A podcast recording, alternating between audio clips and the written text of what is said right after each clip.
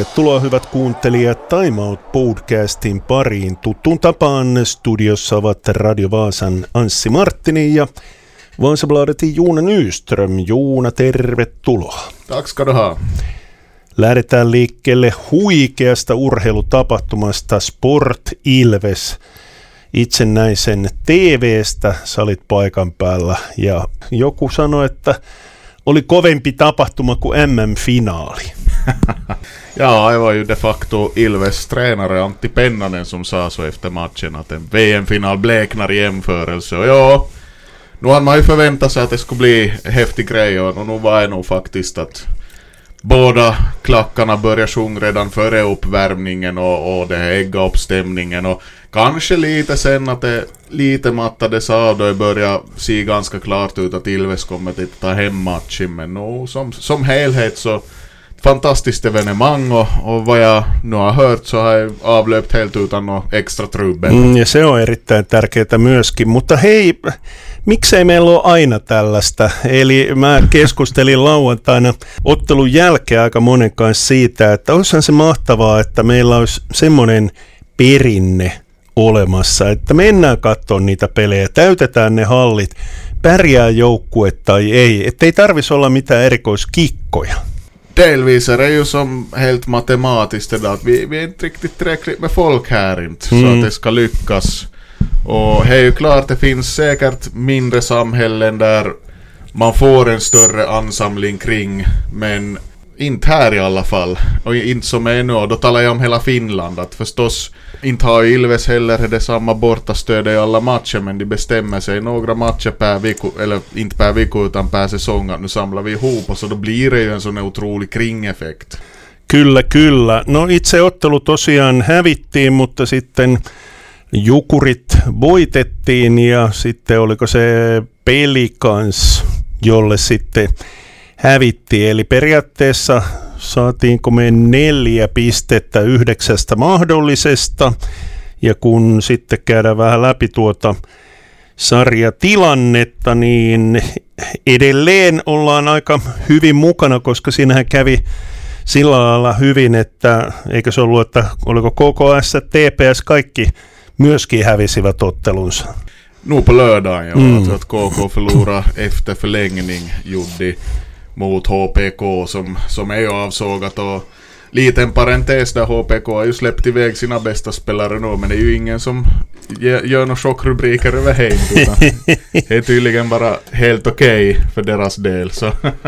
Ja, nej men det gick på det viset gick det bra och, och jättebra förstås till vinner vid Jukurit som i och för sig en liten svacko men sport spelar bra då och, och viktigt också förstås för moralen och så det och Lahti kom upp från 2-0 till 2-2 ta en poäng i Lahtis så andra poängen kan ju visa viktig ännu här i slutskedet. Joo, tällä viikolla äärimmäisen tärkeä ottelu keskiviikkona, mutta niinhän me ollaan hoettu viimeiset kaksi kuukautta näistä äärimmäisen tärkeistä otteluista. Eli KK vastasi keskiviikkona ja sitten muistaakseni oliko se Tappara ja, Tappara ja Kalpa oli sitten ne loppuviikon ottelut. Ja me ollaan nyt jauhettu sitä, että tämä viikko ratkaisee, tämä viikko ratkaisee, mutta nyt varmaan voidaan oikein niin kuin lyödä nyrkkiä pöytä ja sanoa, että oikeasti tämä viikko ratkaisee? No, matcherna tar slut snart. vi, vi är ju tvungen till mm, Koska joo, viisi pistettä on se ero, niin pakkohan tässä on ruveta ottaa pisteitä ja se ei riitä oikeastaan niin kuin pelkästään tällä viikolla esimerkiksi yksi voitto. Vähintään kaksi on otettava. Vähintään. Joo, och då är det nog särskilt det här onsdag kväll mot KK hemma som är den måste matchen. Att delvis är det ju att KK är nära i tabellen och delvis just att bevisa åt sig själv nu. Sport måste visa att de klarar av att ta de här måste-matcherna. Det har blivit många förluster mot de här lagen som man inte ska få förlora mot som är i samma läge ungefär i tabellen. Så att där är nog efter den här otroliga urladdningen då publikmässigt på lördag så kommer en ännu viktigare match, en ännu större match för sport. Så att jag tror nog förmågan till att de finns där. Sen får vi se då om vi får en bra publikansamling kring matcherna. Juu, sitten puhutaan sportin pelaajista. Jens Lööke palasi kaukaloon, minkälainen oli hänen otteensa? Jag tycker nog han ser ut ganska mycket som sitt gamla jag. Att han hade ju en poäng där direkt mot Pelicans, en assistpoäng vill jag minnas. Så han hade en, bra, en par riktigt bra sekvenser mot Ilves där han lite på egen hand kunde öppna upp anfallen. Sen så hade han ju också ganska många målchanser men där var det väl kanske lite den att han touchen är lite bort ännu. Att Jens Löke i december så skulle kanske kunna la en två mål om man, med samma form mot Ilves i lördags med tanke på de chanser han hade. Viime viikolla oltiin aika varmoja siitä, että Sport myy ainakin osan pelaajista, eipä myynyt, vaan hankki yhden pelaajan. Minkä sellainen herra oli Martin Hansel? Ja, det kom ju nog som en häftig överraskning att man värvar och värvningen var ju klar bara några timmar före det här fönstret stängd så Martin Hansel som han heter då debuterade i den här Ilves-matchen och han, han, fick lite ansvar där i powerplay, så helt okej okay ut. Annars så var han nog helt osynlig tycker jag i matchen. Man såg inte så mycket av honom men coach Duva var nöjd tyckte att med tanke på att han inte ens hade hunnit träna med laget så kom han in helt bra i den matchen. Mun on pakko ottaa kiinni Risto Duffasta, kun sanoit, että Duffa oli tyytyväinen Martin Hanslin otteisiin. No, tietysti joukkuessa on muitakin valmentajia kuin Risto Duffa, mutta taisi olla aika loppuvaiheessa, kun Sport otti aikalisän ja Duffa niisti nenää siellä kaukana joukkueesta ja siellä sitten Juuso Haalin ympärillä oltiin, niin tuli mieleen, että vähän semmoinen fiilis, että oliko Duffa edes kiinnostunut siitä, mitä siellä puhutaan?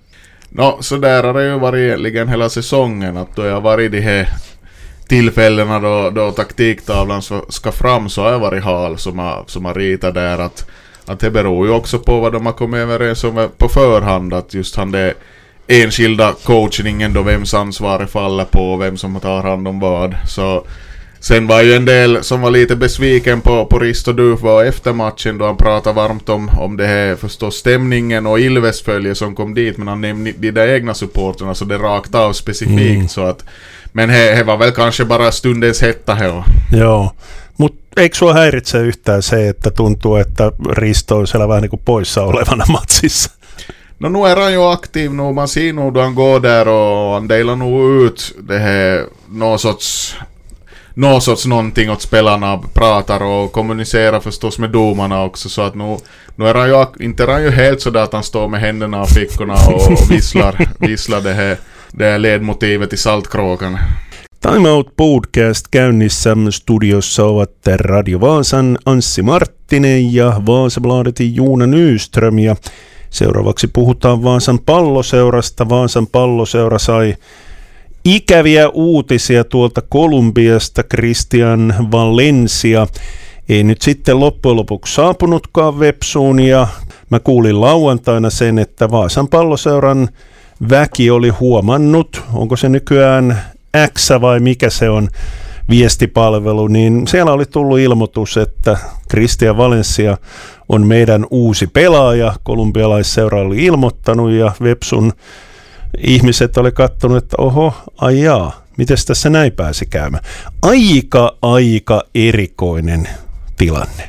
No man måste ju säga att, att nog kanske man tänkt lite att få se vad det här blir då. Det stod klart att Christian Valencia skulle värvas in då istället för Juhani Pikkarainen med tanke på att han har haft en lite småstrulig historia då. Bland annat då han spelade i SJK och, och de facto var ju ännu tidigare, jag skulle säga att det var redan på torsdag kväll så var en cover som tipsade mig om att nu, nu, stod, nu hade de presenterat Valencia som värvning, en klubb då i Colombia.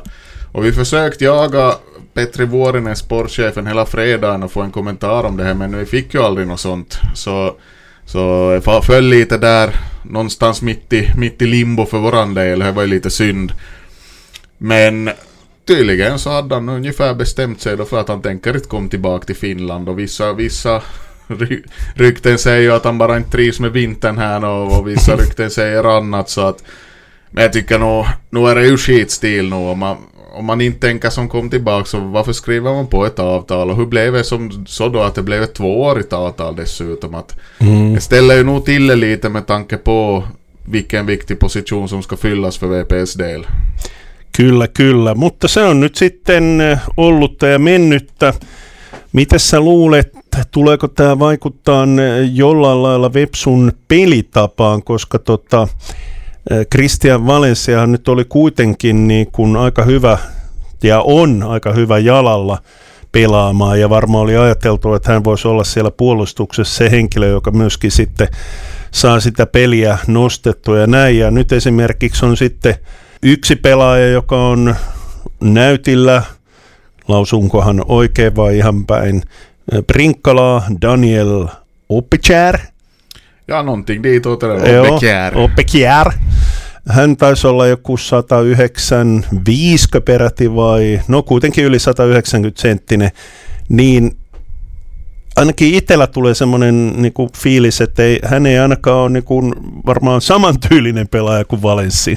Nej, alltså han verkar ju vara, han beskrivs ju som en fysiskt stark back också. Det betyder ju inte att han ska kunna vara bra på fötterna ändå, men att Ja, jag såg inte nu i lördags då de spelade mot AC Oland, blev inbytt i andra halvlek, spelade andra halvleken där, men jag har inte riktigt hört något, något snack om honom heller så att och samtidigt så ska man ju dra för stora slutsatser baserat bara på en halvlek mm. så men om man tänker på att ursprunget här, utgångspunkten är att VPS har blivit av med Juhani Pikkarainen som var både stark och bra på föttren och om man inte hittar en motsvarighet så det kan komma till påverka det spelet som helhet. Det är klart att det kan göra det. Och, men jag tror ju att i och med nu att det här Valencia-kontraktet föll igenom så kommer ju VPS att göra allt för att försöka hitta en snarlik spelare ännu före ligan börjar. Men här har vi också konstaterat att ja, är en stund tills ligan börjar, men inte hit far längre bort heller. ei, ei. Mehän ollaan puhuttu siitä, että niin toivottavasti löydetään niitä uusia pelaajia, mutta me ollaan puhuttu vähän niin kuin Peter Michaelin tilalle ja oltu huolissa, että sarja alkaa ihan pian. Nyt yhtäkkiä Valenssiakin on pois tästä kuviosta. Siellä on niin kuin tosi isoja lokeroita täytettäväksi ja sarjan alkuun, eihän siihen ole kuin reilu kuukausi, niin pikkusen huolestuttaa, pikkusen huolestuttaa.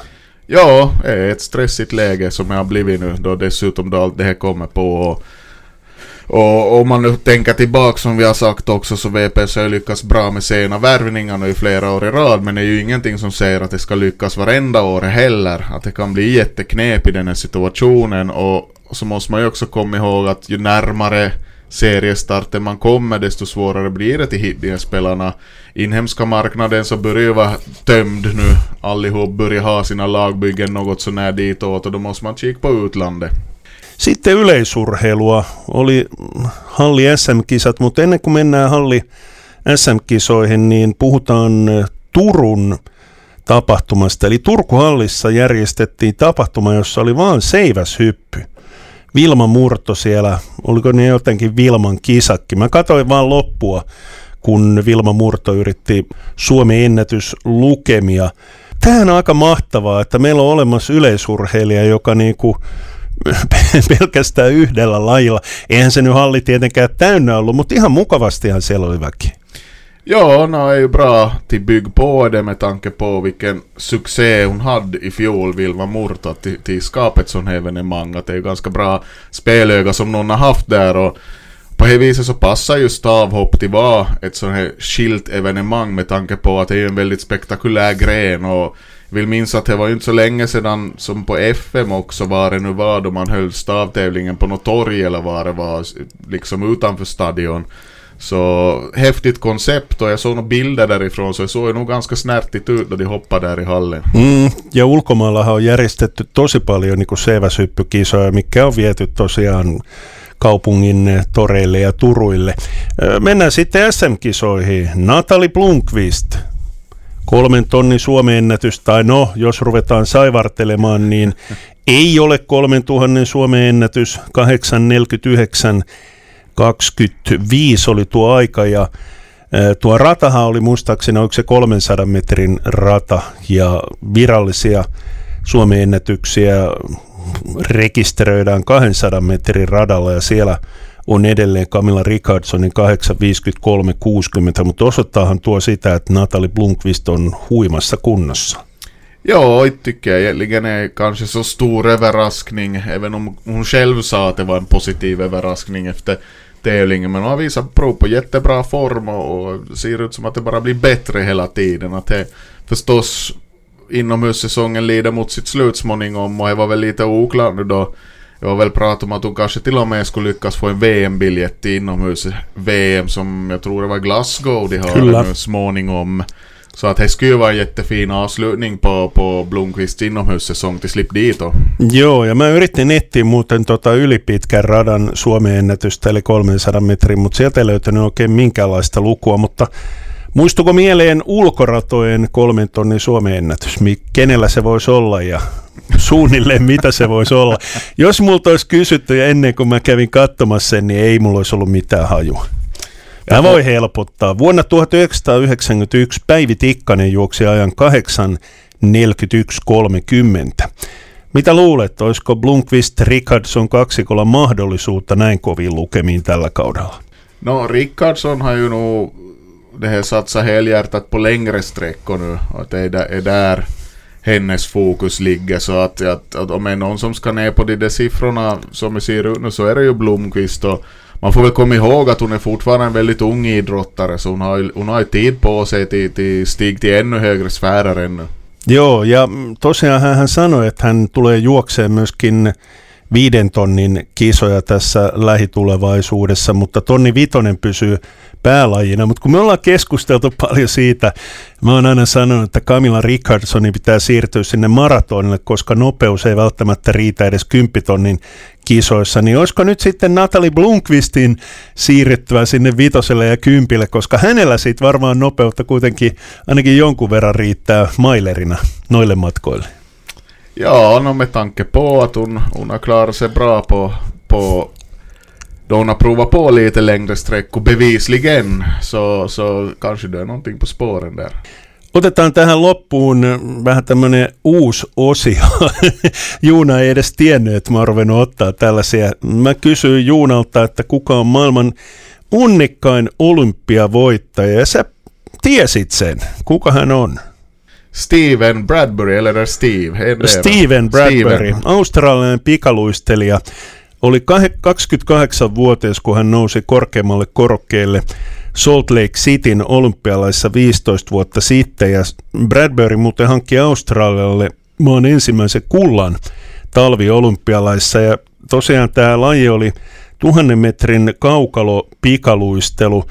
Se on ihan uskomaton tarina, nimittäin Bradbury hän oli alun perin tämmöinen herra, joka valmisti luistimia takapihalla ja teki myös sellaiset ennakkosuosikki Apollo Anton Oonolle ja pyysi etukäteen sitten nämä voittoluistimet niin itselleen takaisin muistoksi olympia kullasta, jota hän ajatteli, että Apollo Anton Oono tulee ottamaan. Ja hän oli alkuerissä, pääsi jatkoon, kun kanadalainen tähtiluistelija Marc Gagnon hylättiin estämisestä, eli olisi pudonnut ilman tätä hylkäystä. Semifinaalissa hän pääsi jatkoon, kun kaksi vastustajaa kaatui hänen edeltään. No mitäs finaalissa tapahtui? Muistatko No, sen, no, kun oli no. viisi kilpailijaa? Då trillade allihop, Joo, joo, neljä kilpailijaa törmäsi ihan loppuvaiheessa. Ju sista kurvon i princip. Kyllä, kyllä. Mä katsoin sen nyt YouTubesta jälleen ja